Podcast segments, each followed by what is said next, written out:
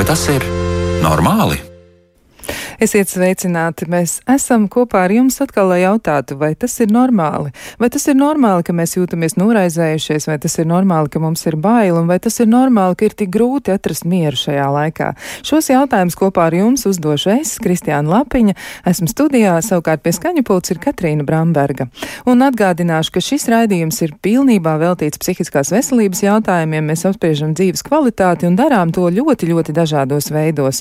Un arī jūs aicinām iesaistīt iesaistīties, sūtiet savas pārdomas, atziņas, idejas uz raidījumu elektronisko pasta adresi, vai tas ir normāli at Latvijas radio.lv, un varat sūtīt arī ziņas Latvijas radio mājaslapā, atrodot raidījumu, vai tas ir normāli ziņojumu logu, un eh, noteikti arī tur varat sūtīt kādu savu vēstījumu. Un vēl, ja gribas eh, zvanīt, tad atgādināsim arī, ka tālruņa studijā ir 6722 888 un 6722 559.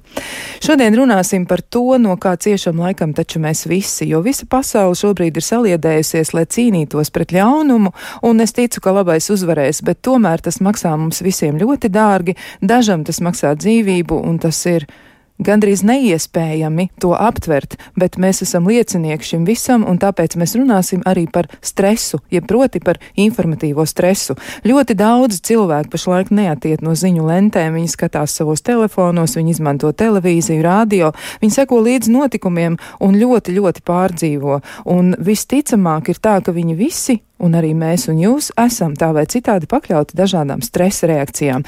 Tāpēc esam nolēmuši šodien to izpētīt. Un esam aicinājuši arī viesņu, un viesņa šoreiz mums ir Marina Brica, klīniskā psiholoģija. Sveicināti, Marina! Labvakar! Jā, man gribētos arī teikt, ka Marina ir īpaši, īpaši iedziļinājusies tieši stresa pētniecības jautājumos un arī strādā ļoti daudz ar stresa problēmu. Un varbūt es varētu arī uzdot pirmo jautājumu tev, Marina, kas vispār ir stress? Varbūt mēs varam sākt ar to pašu sākumu, ja, jo mēs tik daudz lietojam Jā. šo vārdu, bet dažreiz iespējams arī nu, tā nevisai kritiski. Jā, uh, stress. Jāsaka ar to, ka stress ir absolūti normāla dzīves sastāvdaļa. Tā ir mūsu organisma atbildes reakcija uz dažādiem stresoriem vai kaut kādiem kairinātājiem, lai saglabātu savu veselumu un līdzsvaru. Un tie stresori var būt ļoti dažādi, kaut kāds neliels uh, ikdienas kaut kādas problēmas, uh, iespējams nozīmīgas izmaiņas, iekšējā vide, organismu sāpes, kaut kāda slimība, ārēja vide, kaut kādi notikumi. Uh, un šobrīd tas, kas notiek uh, Ukraina, tas ir visiem ļoti, ļoti ārkārtīgi liels stresors. Tas ir ārpus tādas ikdienas cilvēciskas pieredzes. Un mēs visi ar to saskarāmies daži cilvēki tieši, daži pastarpināt caur, caur to informāciju, ko mēs saņēmām, ko mēs redzam un dzirdam. Tā kā stress, uh, mm, aizsardzības reakcija, kas uh, sajūtot, saredzot kaut kādu apdraudējumu, iekšpus, nu, iekšā vai ārā, pielāgo mums, lai mēs izdzīvotu. Kā to dara? Ieslēdz uh, stresa reakciju, mums izdalās attiecīgie hormoni, mēs izjūtam spriedzi, uzbūdinājumu. Noteikti visi var atcerēties tādas raksturīgas kaut kādas fizioloģiskas pazīmes, kad mums pātrināti citas sirds, elpošana mainās. Un mēs izjūtam nemieru, trauksmi, nomāktību, kaut kādas reakcijas, tādas emocionālas. Un tas viss gatavo mūsu organismu, lai mēs bēgtu no tā, tā apdraudējuma vai cīnītos. Bet galvenais, lai mēs izdzīvotu. Labi, ka, ka to var izdarīt, un slikti, ka to realizēt nevar. Un mēs ar to paliekam, un labi, ja mēs mākam kaut ko darīt ar šīm reakcijām, lai mazinātu savu spriedzi. Uh, mm, slikti, ja mēs to nemākam. Ceru, ka mēs šodien varēsim nedaudz vairāk uzzināt, kā un atkārtot mm, klausītājiem, ko ar to varētu darīt lai palīdzētu viņiem. Jā, noteikti, ko var darīt, par to ir jārunā un jārunā diezgan pamatīgi un varbūt arī jāatgādina dažādi veidi, gan pašpalīdzības paņēmieni, gan arī noteikti, kur var vērsties eh, izteikti stresa gadījumā. Bet mm. vēl pirms mēs par to runājam, varbūt es varu arī nu, apvaicāties par to, bet kā tad ir mm, ar stresa veidiem vispār, kādi tie ir, jo pati reakcija laikam, ko atklāja savulaik, atgādināšu arī tiem klausītājiem, kas varbūt nav nekad tajā iedziļinājušies, Walters Kenons, jā, kurš pārstāvēja Hārvards universitāti un, un, un kurš bija arī ārsts, viņš jau ļoti sen mēģināja saprast, kā ir ar stresu. Man šķiet, tas bija, tas bija 1929. gads, kad viņš piedāvāja tādu skaidrojumu par cīņu vai bēgšanu. Bet eh, kā tad ir, nu, kā ir ar to stresu, kāpēc? Eh, tas tik tiešā veidā spēj mūs ietekmēt, jo mēs taču skatāmies nu, televizoru, jā, un, un mēs redzam, protams, ka tur notiek briesmīgas lietas, bet kāpēc tas ķer mūs tik tieši? Kāpēc tas ķer mums tik tieši? Tāpēc, ka uh, tas, ko mēs redzam un dzirdam, uh, rāda uh, sajūtu, apdraudējumu sajūtu mums. Uh, un kaut tas neskar tāda tieša veida, un, protams, tas stress un uh, tās aizsardzības mehānismi bija kādreiz evolūcijas gaita izdomāti, lai mēs uh, ātri rēģētu un izglābtos, es nezinu, satikot lāci mežā, uh, vai aizmūgtu, vai cīnītos, un lai mēs mm, izdzīvotu. Uh, evolūcijas gaita tie stresori kļuva ļoti dažādi. Mūsdienu stresori ir netik tieši, nevienmēr tāds apdraudējums mēs uztveram, saredzam mūsu mm, smadzenēs nolasa, ka ir apdraudējums tiešā veida. Piemēram, uzstāties publiski šobrīd, runāt ar jums, man ir zināms stresors. Pirms uzsākt sarunu man sāka daudzīties sirds, un es klausījos, gatavojos, un jau sajūta, ka man tā kā nosarkā vaigi. Uh, kas tad notiek? Mans organisms uztver to kā apdraudējumu, publiski uzstāties, o, kā, kā tur pareizi visu atbildēt, skaidri, uh, precīzi. Kaut tas neapdraud manu dzīvību. Un tāpēc mums, uh, mūsdienas cilvēkam, nu, stresori ir ļoti uh, dažādi, bet uh, tas, kas notiek šobrīd, par, par tā, tā informācija, kas, nu, ko, ko jūs pieminējat uh, par uh, notikumiem Ukraina, tie vairs, nu, var teikt, vairs nav tā kā stresori, teiksim, tā, tā ir tā psiholoģiska trāma mums visiem. Tas ir kaut kas pārāks un izraisošs, nu, tādu apdraudējumu sajūtu jebkuram cilvēkam praktiski. Uh, jā, uh, nezinu, vai atbildēju, bet uh, ideja tāda, ka uh, tas galvenais faktors ir, uh, kā mēs novērtējam šo stresoru, vai viņš uh, rāda mums apdraudējumu, vai mēs to uztveram. Un, protams, apdraudējums tiešais, netiešais izraisa stresa reakciju. Un, ja mēs redzam, ka kādam cilvēkam dara pāri, ja vēl vairāk jau uzbruk, sākas karš, vēl tik tuvu, vēl tā informācija, kas, kas kā lavīna nāk un apdraudējums ne tikai Ukrainai, bet visai pasaulē, tad mums katram individuāli ieslēdzas mūsu smadzenes attiecīgie rajoni, ieslēdz to tādu trauksmes pogu, kā tev kaut ko jādara, kaut kāds apdraudējums. Tā mēs nolasām šo informāciju. Mums parādās no tas, cik liels stress. Jā, nu tā ir. Tātad eh, mums ir ļoti daudz gan to informācijas avotu, gan arī pats informācijas saturs ir ļoti, ļoti tāds eh, dažāds un bieži vien arī ļoti biedējošs. Bet ja mēs reiz runājam par tiem stresa veidiem, nu ir zināms arī no teorijas ir, ir hiperstress un hipostress, un vai nav tā, ka arī šīs divas lietas, eh, nu, savstarpēji vienu otru gan papildina, gan arī gandrīz vai izslēdz, jo ir tā viena un otra galēba, un cilvēkam ir ļoti grūti tikt ar to galā. Kā tad ar to būt? Jo informācijas ir ļoti daudz. It kā varbūt viens no palīdzošiem mehānismiem būtu mēģināt informācijas daudzumu samazināt, bet ļoti daudz cilvēku ir tādā stresa pakāpē, ka viņiem ir ļoti grūti to izdarīt. Tad kā to līdzsvarot? Kā līdzsvarot?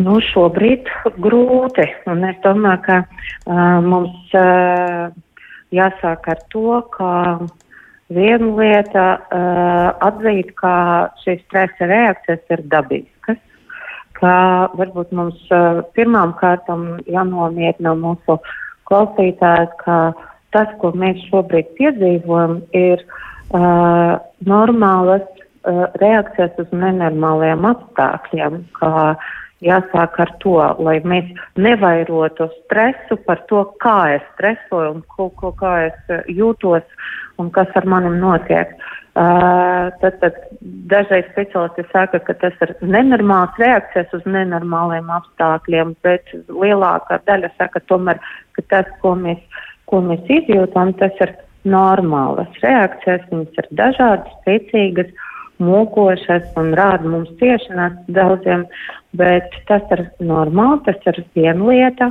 tas reakcijas var būt ļoti, ļoti dažādas. Un, jā, var, var mainīties tur tik tā liela, nu, nav normālas, es nezinu, nav normāla veida, kā, kā uz to rēģēt. Nevar paskatīties uz, nezinu, draugu un teikt, oh, nu, viņam kaut kas nav kārtībā. Es atkal savukārt uztraucos pareizi. Uh, jo šobrīd mēs šajā stresā, mēs tiešām varam būt daži izjūst izteiktas kaut kādas trauksme, trauksme, nemieru, cits atkal izjūst dusmas, ko mēs arī tagad redzam, tādas naidu, dusmas, aizkaitinamību, cits uh, nomāktību un skumjas. Uh, un tas viss varētu būt ar ļoti spēcīgu tādu um, uzbūdinājumu un uh, enerģiju, reizēm sastingumu, kur mēs nezinām, kur likt. Uh, šo enerģiju. Bet uh, citiem pēc kāda laiciņa var iestāties atkal tā, tā stresa reakcija, kad uh, vairs nav spēka, visi resursi iznāca, darīt neko nespēja, man enerģija nokrita un es tāds uh, bezspēka, nomākts un vairs man apātija iestājas, kad man enerģijas līmenis nokrita. Jā. Jā, un, mm -hmm. jā, un tas ir, tas ir tas arī daļa no tā, kā mēs rēģējam. Drīzāk mums visiem jādomā par to, kā to nedaudz līdzsvarot, kā, kā minējāt, kā, kā normalizēt, kā mazināt. Jo šobrīd ar to, kas notiek, kas galvenais tāds stresors, tā informācija, ka mums jāsaprot drīzāk, nu, ko mēs īsti varam izdarīt. Uh, mums jāpieslēdz, un tā ir tāda liela, lielākais iz, izaicinājums mūsdienu cilvēkam saprast, kā mehānismu stresa iebūvēt mums ir mantojama, mēs viņu dabujam, bet mūsdienu stress ir tik dažādi, ka nevienmēr tas pielietojums mums der. Mums vairāk jāpieslēdz tādu racionālu daļu, jāpadomā, jo mūsdienu parāk stress tie sarežģīti prasa uh, nevis tādu rīcību, nevienmēr mēs varam ātri aizbēgt un viss atrisināsies, vai mesties un cīnīties. Nē, mums vajag vairāk pieslēgt to racionālo daļu. Šobrīd, es domāju, racionāla daļa var palīdzēt mums kaut kā paskatīties un novērtēt, ko, ko mēs varam darīt, uh, ko mēs reāli varam darīt, un sākt ar to. Jo uh, tie apdraudējumi sajūta, ko izraisīs ziņas ar uh, kāru Ukraina, uh, visiem parādies tā apdraudē, apdraudētība, uh, pieauga un mēs tā kā pazaudējam kontroli. Mēs nekontrolējam, kas notiek mūsu pasaulē, neziņa, mm, kontrols nav, mm, apdraudējums. Viss tas ietekmē, un mums vajag, vajadzētu domāt par to, ko, lai atgrieztu šīs sajūtas. Jā, mēs šobrīd iespējams nevaram uh, mainīt situāciju, nu, tā ļoti radikāli iesaistīties, vai kāds ieklausītos, ko Marīna saka, un Ma Marīna saka, apturēt lūdzu kāru,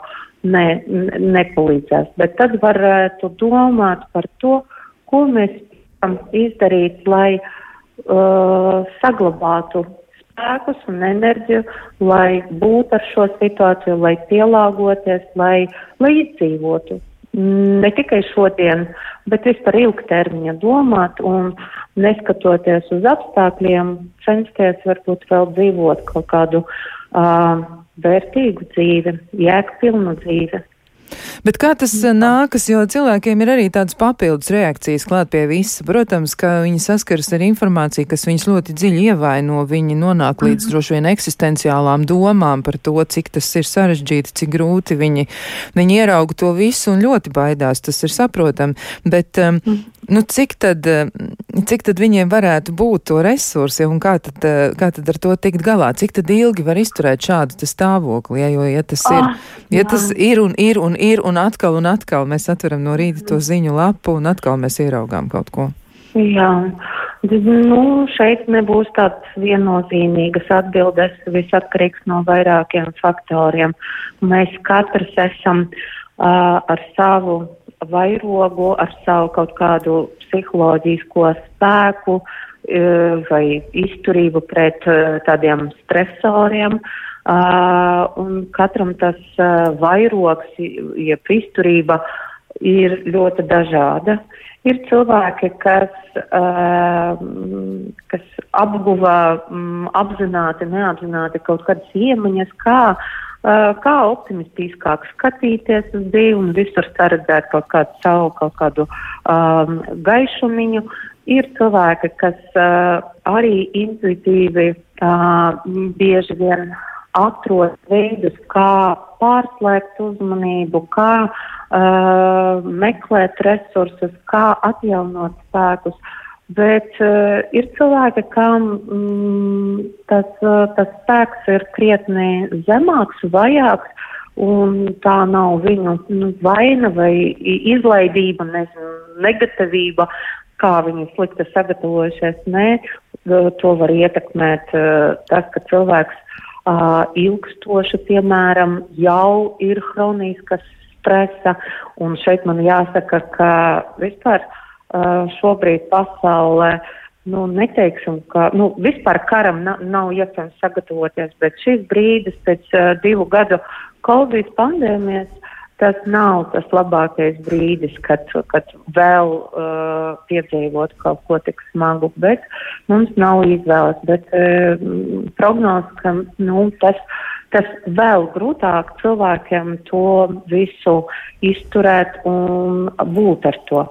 Uh, tas ir ļoti individuāli, tāpēc mēs, mēs nezinām, kā mēs varam tikai no zinātnes viedokļa uh, uzsvērt, ka uh, būtiski meklēt uh, iespējas, kā nebūt ar to uh, ilgstošo stresu, uh, bet kā, kā, kā meklēt atbalstu. Cilvēkam ļoti svarīgs cits cilvēku atbalsts, mm, kaut kādus draugus, mm, paziņas, ar kuriem var dalīties, kur jūs saņemsiet kaut kādu iedrošinājumu un vienkārši iespēju pārunāt savas bailes, savas, savas šaubas, savas, no savas emocijas.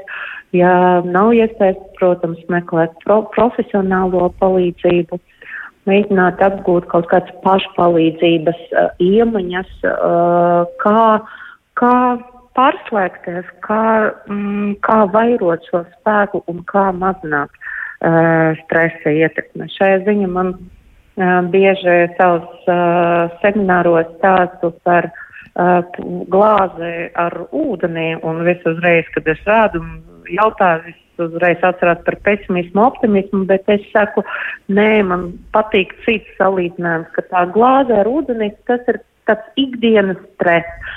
Mēs patēlam varam nolikt, bet ja mēs pat neli, nelielu stresu, tādu, nu, nepilnu glāzi, turētu visu laiku izstieptā roka. Mēs ilgi neizturētu. Un tas ir mūsu, uh, nu, neteiksim atbildība, bet mūsu vajadzība, nepie, akūta nepieciešamība iemācīties nolaist to roku, ļaut atpūsties, tad atkal varēs pacelt. Šobrīd es domāju, tā, ka stāsts vairs nav par glāzi, bet uh, ar ūdeni, bet ar spaini, kuru mēs, nu, daži no mums tur un cenšas um, noturēt un uh, uzturēt kaut kādu kontroli, lasot ziņas, sekojot. Bet uh, mums uh, jāatgādina uh, tiem cilvēkiem sev pašiem, ka ik pa brīdim mums uh, jā, jā, jātaisa pauze, jā, jā, jāļauj sev pārslēgties un darīt kaut ko citu. Jā, tas noteikti noder. Nu, ir arī daļa cilvēku, kur cieši no vainas izjūtas, manuprāt, viņiem ir ļoti grūti pārslēgties, un viņi saka, nu kā es varu šajā brīdī neko nedarīt, jā, bet uh, droši vien, ka var atrast jau dažādus veidus, kā, kā atkāpties no informācijas apjoma milzīgā un darīt kaut ko, kas ir vienlaiks gan iesaistīšanās, gan arī kaut kā darīšana, kas iedod arī tādu iespēju atpūsties un atjaunot mhm. resursus, jo viņi noteikti mums pašiem būtu nepieciešami. Un vēl es gribēju apjautāties par vēl vienu lietu, runājot runājot tieši par informatīvo stresu. Nu, tur ir arī tāds uh, aspekts, kā tā saucamā kognitīvā disonance? Uh, arī tas ir kas tāds, ko mēs varam tur pieķēt klāt, proti par to, nu kā tad ir, mm, kā cilvēki mēģina salāgot informāciju, ko viņi saņem, un kā viņi to attiecina uz sevi, kāpēc ir tā, ka, nu, tā nesalāgotība starp to, ko mēs gribētu, un starp to, ar ko mēs saskaramies, un arī visādas idejas par nākotni, kāpēc tas rada tik ļoti spēcīgu apjukumu un tik ļoti tādu augstu stresa līmeni. Var... Uh, es es uh, tad uh, laikam pieminētu par to, ka uh, mums visiem, kamēr mēs augam, uh, attīstāmies un dzīves laika, mums veidojas un nostiprinās kaut kādi priekšstati par, par sevi, par citiem, par pasauli. Un tie ir uh, tieši kognitīva behaviorālā terapija sauc par pamatu pieņēmumiem. Uh, Un uh, šobrīd uh, šī stresa situācija, viņa pat traumatiska uh, situācija uh, mūsu psihē, uh, kā karš, viņa ļoti strauji mainās šos mm, pieņēmumus, viņa izkropļo. Cilvēki, ne tikai Ukraina, bet arī visa pasaule, uh, pēkšņi saskarās ar to, ka izrādās, ka pasaule nav, nav tik droša, uh, pasaulē nav tik miermīlīga, ka kāds var uzbrukt un iznīcināt cilvēkus, bērnus un tavu dzīvi. Uh, cilvēki uh, nav tik um, draudzīgi un tie nu, cilvēki apkārt, uh, kuri neviens negrib tev nodarīt pāri, izrādās grib un, un dara to un par sevi. Mēs uh, piedzīvojam tādas situācijas arī ļoti lielu izaicinājumu mūsu pieņēmumiem par sevi. Un tas mēs arī varētu. Tā, Jā, jā. jā, tas arī droši vien varētu būt vēl viens papildu faktors, jo viena lieta ir informatīvais stress un tas saturs ziņām, bet otra lieta ir patiesi, ja tā pamat pārliecības zušana, jo līdz tam, ja mēs esam domājuši, ka cilvēki mm. visumā ir labi, pasauli ir jauka vieta, kur notiek labas lietas, tagad mēs redzam kaut ko pilnīgi citādu. Kā tad ar to darboties? Ko ar to lai iesāk? Ar to uh, darboties, uh, ļaut Uh, varbūt sākuma šobrīd.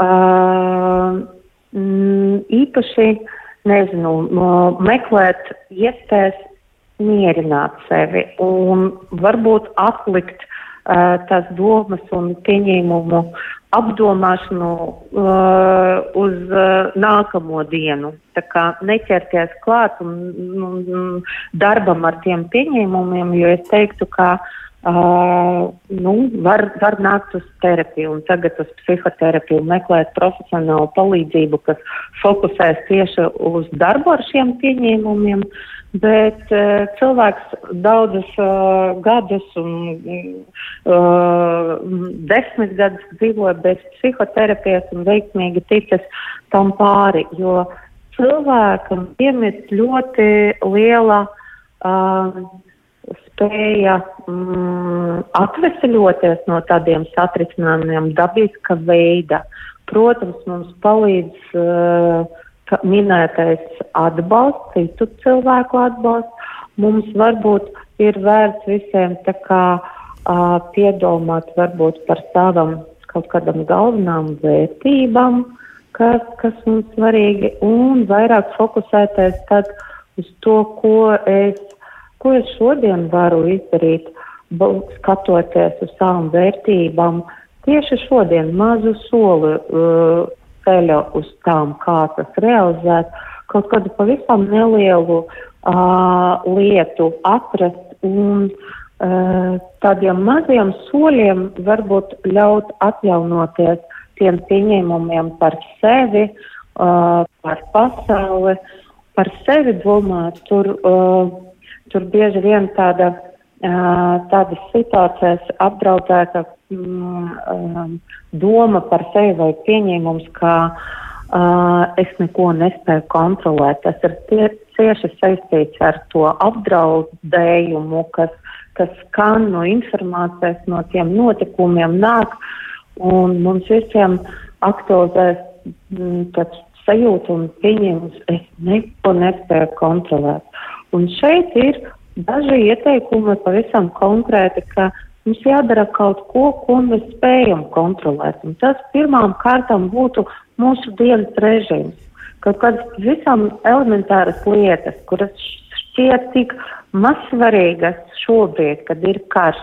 Viņas ir ārkārtīgi svarīgas, un šobrīd vis, visa krīzes psihologi un speciālisti, kas strādā ar bēgļiem, ar cilvēkiem, kas telefoniski tiek konsultēti Ukraina, uh, tas ir viena no galvenām lietām, kā atjaunot kaut kādu sajūtu, ka es stāvu šeit, uz šīs zemes, ka es esmu vēl dzīves, un es kaut ko spēju kontrolēt, ar ko sākt. Tas ir, vai es varu parūpēties par sevi, par kaut kādam pamatu vajadzībām, par ēšanu, par gulēt, nu, gulēšanu.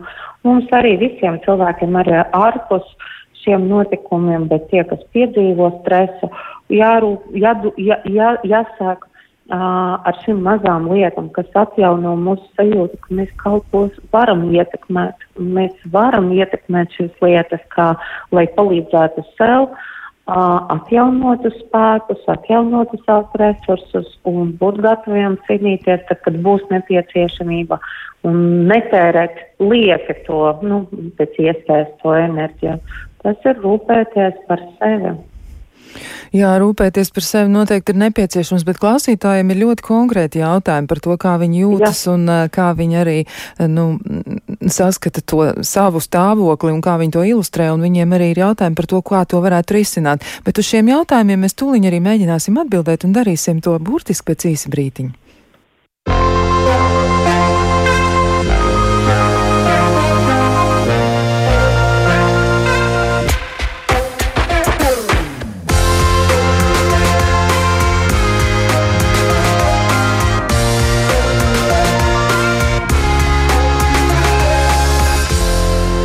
Tas ir normāli?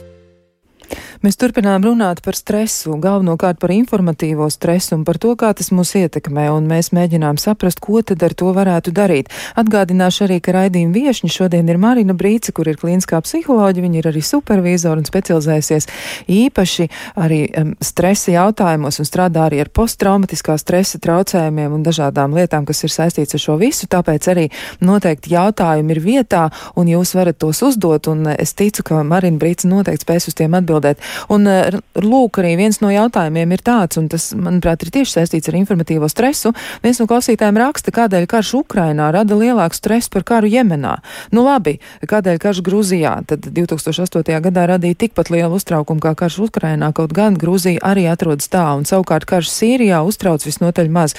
Kādēļ tā? Kā, kā tas varētu būt saprotams? Vai tas varētu būt arī par vērtībām, ne tikai par to atrašanās vietu, par to geogrāfiju, bet varbūt tur ir vēl kaut kas.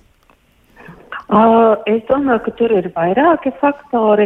Visas uh, šobrīd, laikam, uh, nespēju nosaukt, neesmu uh, domājusi par to, bet es gan domāju uh, tā, nu, citīgi un nesmu gatavojusies, bet uz citiem es varu vienu lietu atbildēt noteikti precīzi, jo man arī uzrunāja tas, pārmetums, ko es redzu uh, kaut kādos sociālajos tīklos, kāpēc, kāpēc kari, kas bija, atstāja mums vienaldzīgus un karš Ukraina tik, tik, mm, tik aizskara.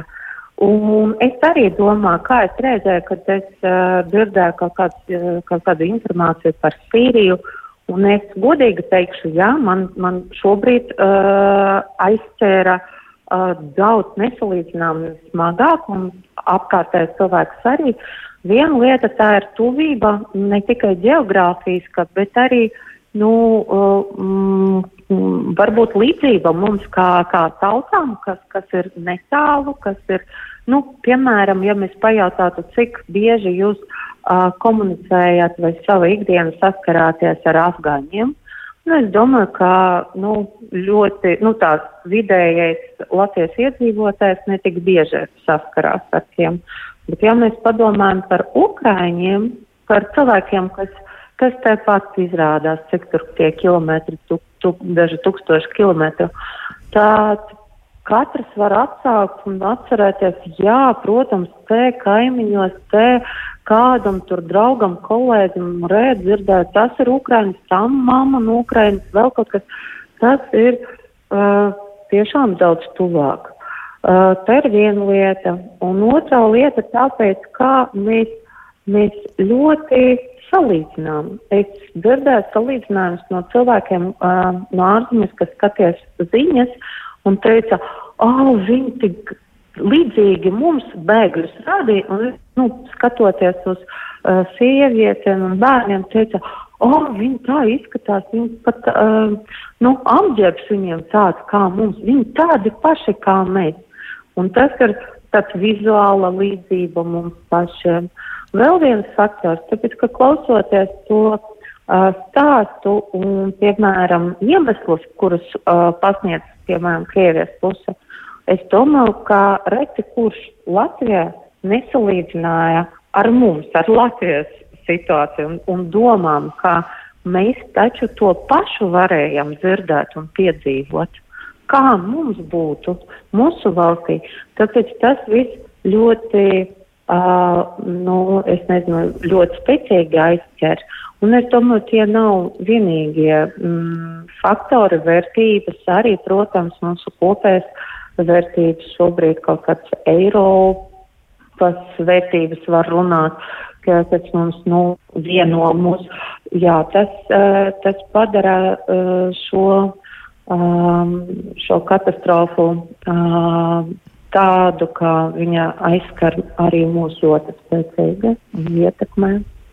Jā, tā varētu būt. Droši vien arī, ja mēs pieņemam, ka tie cilvēki visi visā pasaulē, kas protestē pret šo kāru, kas iebilst pret eh, šo mežonīgo slepkavošanu, viņi ir varbūt arī tālāk, un, un tas, kā viņi to uztver, iespējams, ir mazliet citādi, bet arī viņi iesaistās, bet iespējams varētu tā būt, mēs varam tā pieņemt, ka viņu spriedzes līmenis ir nedaudz mazāks, jeb zemāks nekā tiem cilvēkiem, kas dzīvo šeit. Bet vēl ir arī jautājums, eh, klausītāji, klausītāja raksta, bet ko darīt, ja ir šausmīgi bail? Man reāli uznāca panikas lēkme. Viņa rakstīja, ka man ir neiroloģiska saslimšana un pasliktinājās nervu stāvoklis, mm -hmm. nervu sistēma labili ir jau tā, un vēl no šī visa man tiešām vienu nakti šķita, ka bombardē, ka visapkārt ir krievi. Saprotiet, es bērnībā daudz salasījos par vēsturi, grāmatas par otro pasaules kāru, koncentrācijas nometnēm, Via Dolorosa, Staļina, Hitlera represijām. Daļai tas mani interesē, bet tagad fizioloģiski es jūtu, ka man ir bailes sajūgt prātā. Nu, tad cilvēkiem ir ļoti spēcīga baila zāļu reakcija. Viņi ārkārtīgi no tā cieši. Uh, jā, un šī klausītāja noteikti nav vienīga. Tagad tādu cilvēku ir ārkārtīgi daudz. Un, uh, nu viena lieta, uh, katram jāpadomā, jāizvērtē, un primāri man jāiesaka vērsties pie iespējams ģimenes ārsta vai pie neiroloģa vai psihiatra, uh, lai izvērtētu, cik, cik pasliktinājis jūsu stāvoklis.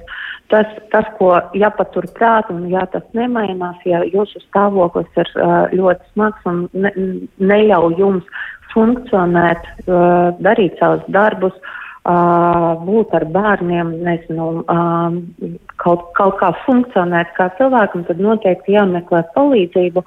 Uh, bet pārējiem cilvēkiem, kas izjūt tādas spēcīgas bailes, un uh, jāsāk ar to, ka uh, mums ļoti svarīgi šobrīd limitēt, dozēt informācijas daudzumu. Mēs šobrīd uh, cenšamies to savas bailes par to, ka kaut kas notiks, cenšamies atjaunot kontrolas sajūtu ar to, ka mēs nemitīgi lasām ziņas un sekojam līdzi. Bet tā bilde mums, mums liekas, ka mēs veidojam, un tas nomierina, ka jā, traki, bet nu, tur trešais pasaules karš vēl nav sācies, jā, tur notiek. Mēs it kā veidojam to bildi un rādam sev tādu viltus uh, miera sajūtu uz neilgu laiku. Bet momentāli, kā mēs pārtraucam lasīt ziņas vai ejam dodamies gulēt, mums no rīta jau atkal tā neziņa un rokas cīt un gribās atvērt ziņas. Uh, mēs tāda veida tikai uzturam uh, to lieku spriedzi un bailes. Mums uh, jāatgādina man kā speciālistam, ka šobrīd visi speciālisti viennozīmīgi iesaka ierobežot uh, informācijas daudzumu, uh, izdomāt, uh, padomāt par avotiem, no kuriem jūs saņēmat, un padomāt, cik viņi ir nu, jums uh, der, un ierobežot, paskatīties par to laiku. Nav svarīgs pats laiks, vai tas būtu 15 minūtes, vai 30, vai stunda, vai divas reizes diena, vai trīs reizes diena, bet uzlikt savu taimeri, modināt atgādinājumu un uh, skat, lasīt un uh, meklēt atbildes par to, kas notiek, sekot līdzi tikai kaut kāda noteiktā laikā. Jo mēs baidamies tagad pazaudēt uh, kaut kādas palaist garām svarīgas ziņas. Jāatgādina, ka svarīgais atradīsiet jūs pats. Ja kaut kas notiks, mēs par to uzzināsim visi un bez tādas uh, nemitīgas ziņu skatīšanas un lasīšanas. Tas būtu pirmais. Un otrais, pat uh, domāt par to, kas uh, kāda veida nedaudz savu uzmanību no domām par, par kāru, par uh, sāpēm, par zaudējumiem, par to, kas notika, notiks, notiek, par nākotni, kā tas var un viss tie katastrofas un nu, katastrofālie scenāriji, lai ik pa brīdim teicīt nu, tādu atelpu savam smadzenēm un psihi, vai, vajadzētu pilnīgi tā kā Minhausenam aiz matiem sevi likt, paskatīties sev apkārt un kaut vienu minūti taisīt kaut kādu pauzi, kad mēs skatāmies pāri piefiksējam, ka pavasaris nāk, neskatoties uz visu, pamanām kaut kādas pārmaiņas, izmaiņas, uh, nezinu, ārā, zālīte, tur, nezinu, koki. Taisīt tādas atelpas pauzes no, no tās informācijas plūsmas.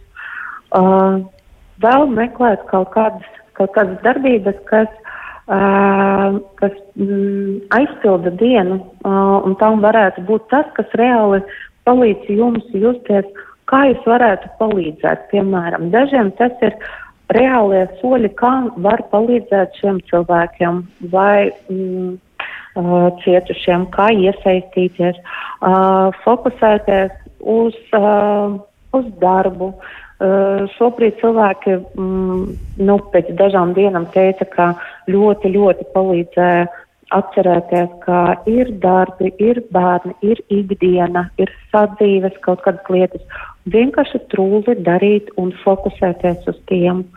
Uh, mazgāt traukus, runāt ar bērniem, uh, lasīt grāmatas mm, no bērnības, klausīties kaut kādas citas lietas arī, bet neuzsvērt to, ka jūs uh, uh, nu, nu, nodevēja, ka ja jūs nesat ar tām trakām ziņām, nē, jums vajag, mums visiem vajag tādas atelpas, lai pārslēgties, lai ļaut spēkiem atjaunoties, un tad mēs varēsim atkal izlasīt ziņas, izlemt racionāli, ko mēs varam darīt, un padomāt, kā mēs ar to tiksim galā, kā, kā mēs, nu, kādi soļi nākamie, ko mēs varam darīt bet nu, kaut, kā, kaut kā tā. Jā, nu gribētos tādas konkrētas darbības arī saprast, un noteikti cilvēkiem pati galvenā doma tomēr ir par to, kā sevi pasargāt un kā būt drošībā. Viņi raizēs par sevi, par savu ģimeni, viņi raizēs par nākotni. Jā. Un tas noteikti varētu arī novest līdz ļoti tādām drūmām un dziļām izmaiņām reizēm, ja, ja neko mēs ar to neiesākam. Šis, man liekas, ir ļoti vērtīgs padoms. Tad, ja mēs jūtamies ļoti, ļoti sarežģīti, noteikti var zvanīt uz krīzes tāruņiem, var zvanīt uz krīzes centru skābes, var zvanīt arī uz daudziem citiem. Noteikti ir vērts paskatīties interneta mājaslapās sarunās, un noteikti arī mēģiniet domāt par to, kam jūs vēl varat piezvanīt kādam profesionālim, kādam speciālistam. Noteikti kāds atradīsies, kas ar jums aprunāsies, pilnīgi droši. Bet um, klausītāji, viņi tiešām nu, jūtas ļoti, ļoti sarežģīti, viņi jūtas grūti, un arī šī pat klausītāja raksta, es gribētu kaut es varētu aizbraukt. Es saprotu, ka Amerika nav no gumijas un atombumba sasniegs visur, bet es neko nevaru sev padarīt.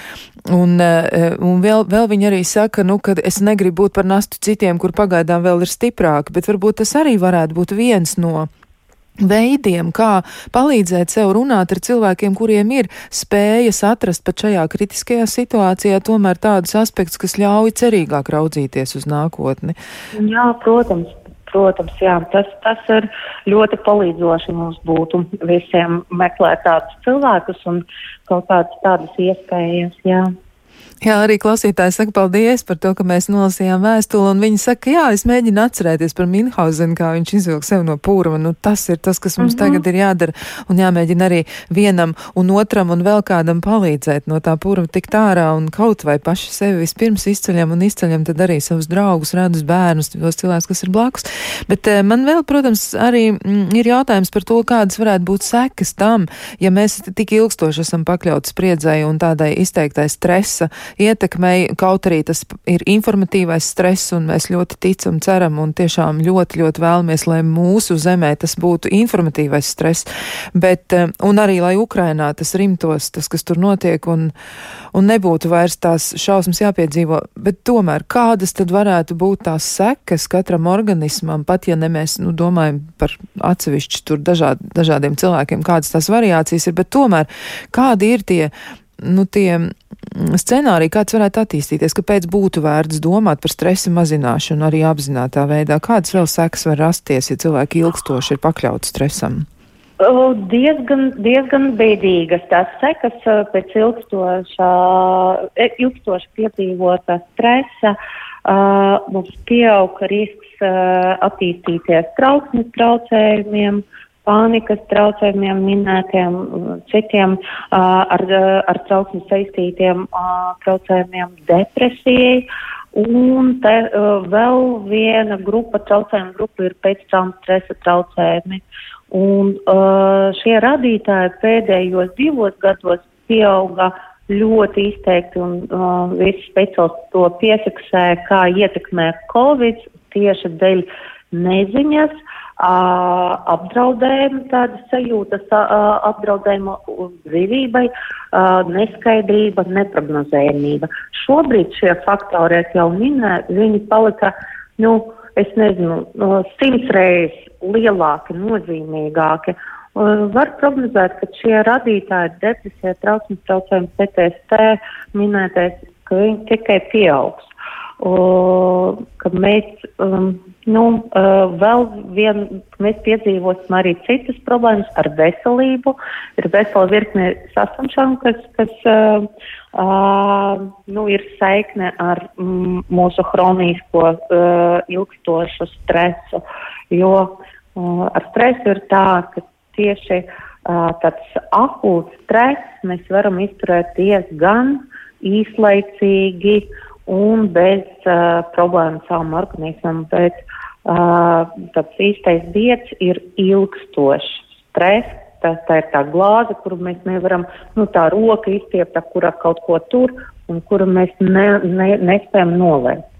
Um, tur problēmas, jā, būs vēl arī ar veselību dažādas, bet daram kaut ko, lai mazinātu, domājam par to, kā nolēkt šo roku, kā viens otru atbalstīt, kā mm, uzmundrināt, kā pašam sevi vilt no tā, uz, uzliekot rāmi, kas viņas vai kaut kādas lietas es lasu tik reiz no tā, ka es lasīšu visu dienu un skatīšos to lenti, kaut kādu informatīvo, ka tā kontrolas sajūta, ir iluzora. Tas, ka ziņas mainās, bet jūs ietekmēt nevarat. Un tas, ka uh, aptvert visas jūs arī nespējat.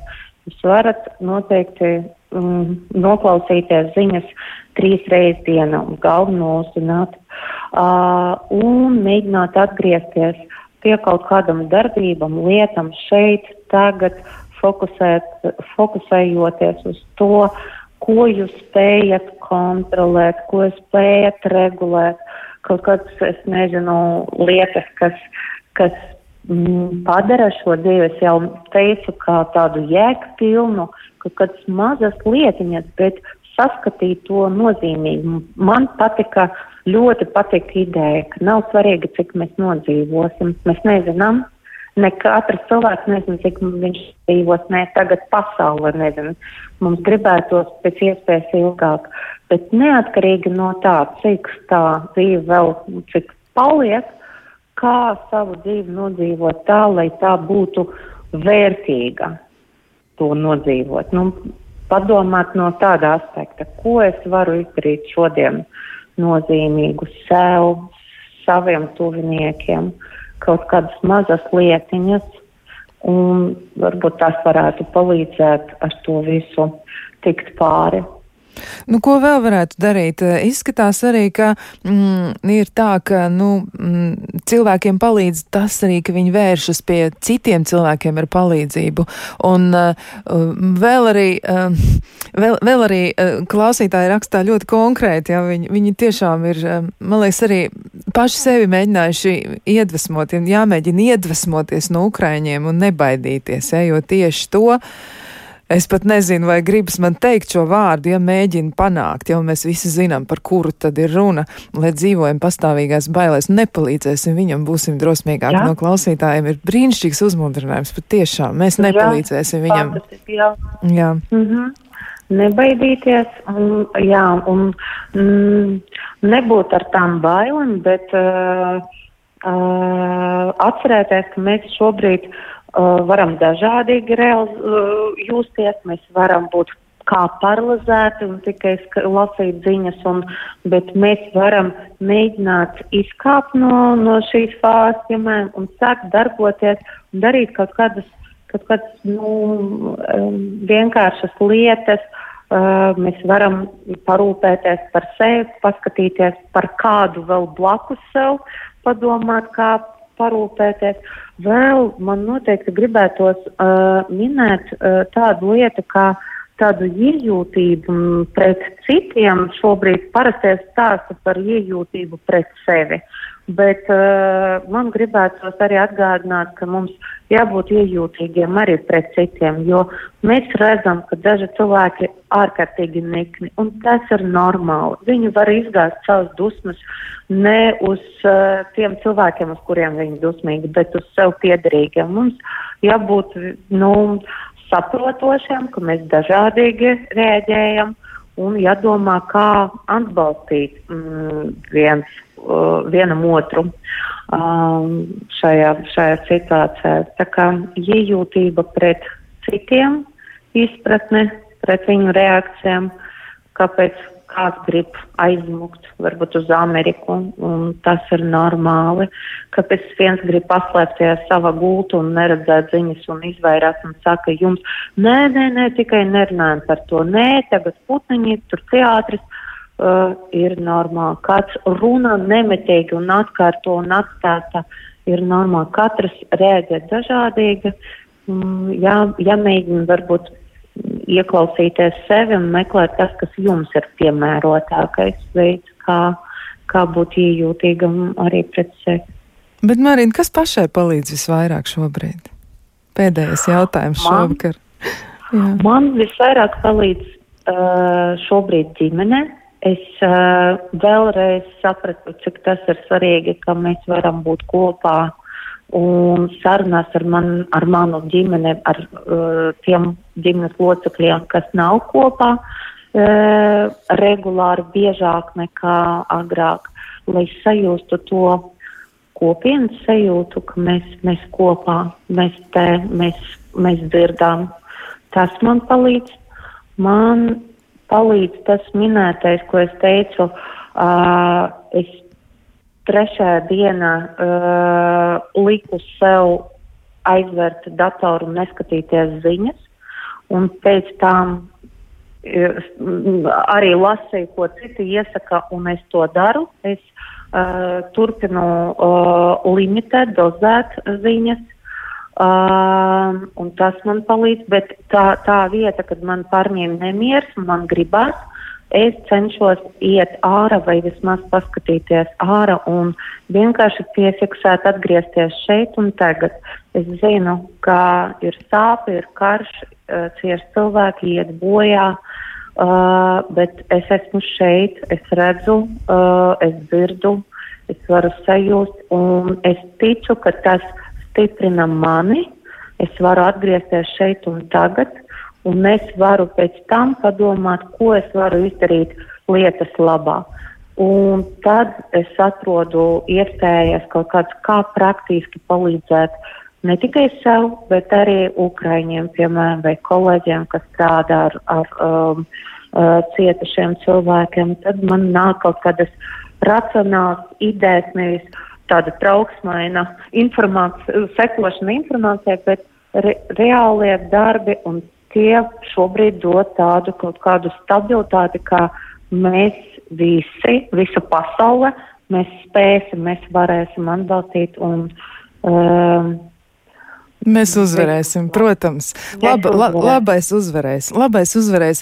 Šajā mirklī man jāsaka paldies Marinai Brīcei par klātbūtni un par to, ka izdevās uzmundrināt klausītājus un arī klausītājiem par iesaistīšanos, par aktivitāti un par jūsu drosmi un jūsu jaukajām domām.